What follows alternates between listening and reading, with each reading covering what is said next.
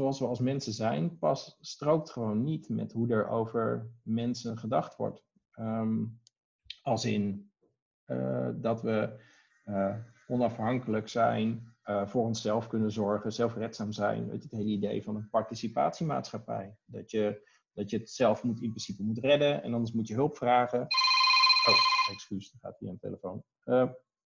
Maar uh, dat, dat, dat strookt natuurlijk helemaal niet met. We zijn als mensen niet onafhankelijke, zelfredzame. Dat, dat past helemaal niet bij ons hoe we als diersoort zijn.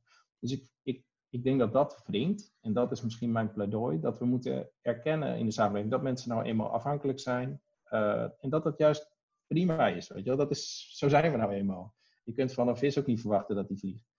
Uh, maar als je daar uh, rekening mee houdt, ja, dan heb je misschien ook een iets mildere blik naar mensen die in het huidige systeem niet mee kunnen. En dan ben je misschien als samenleving ook bereid om daar iets meer ruimte voor in te richten.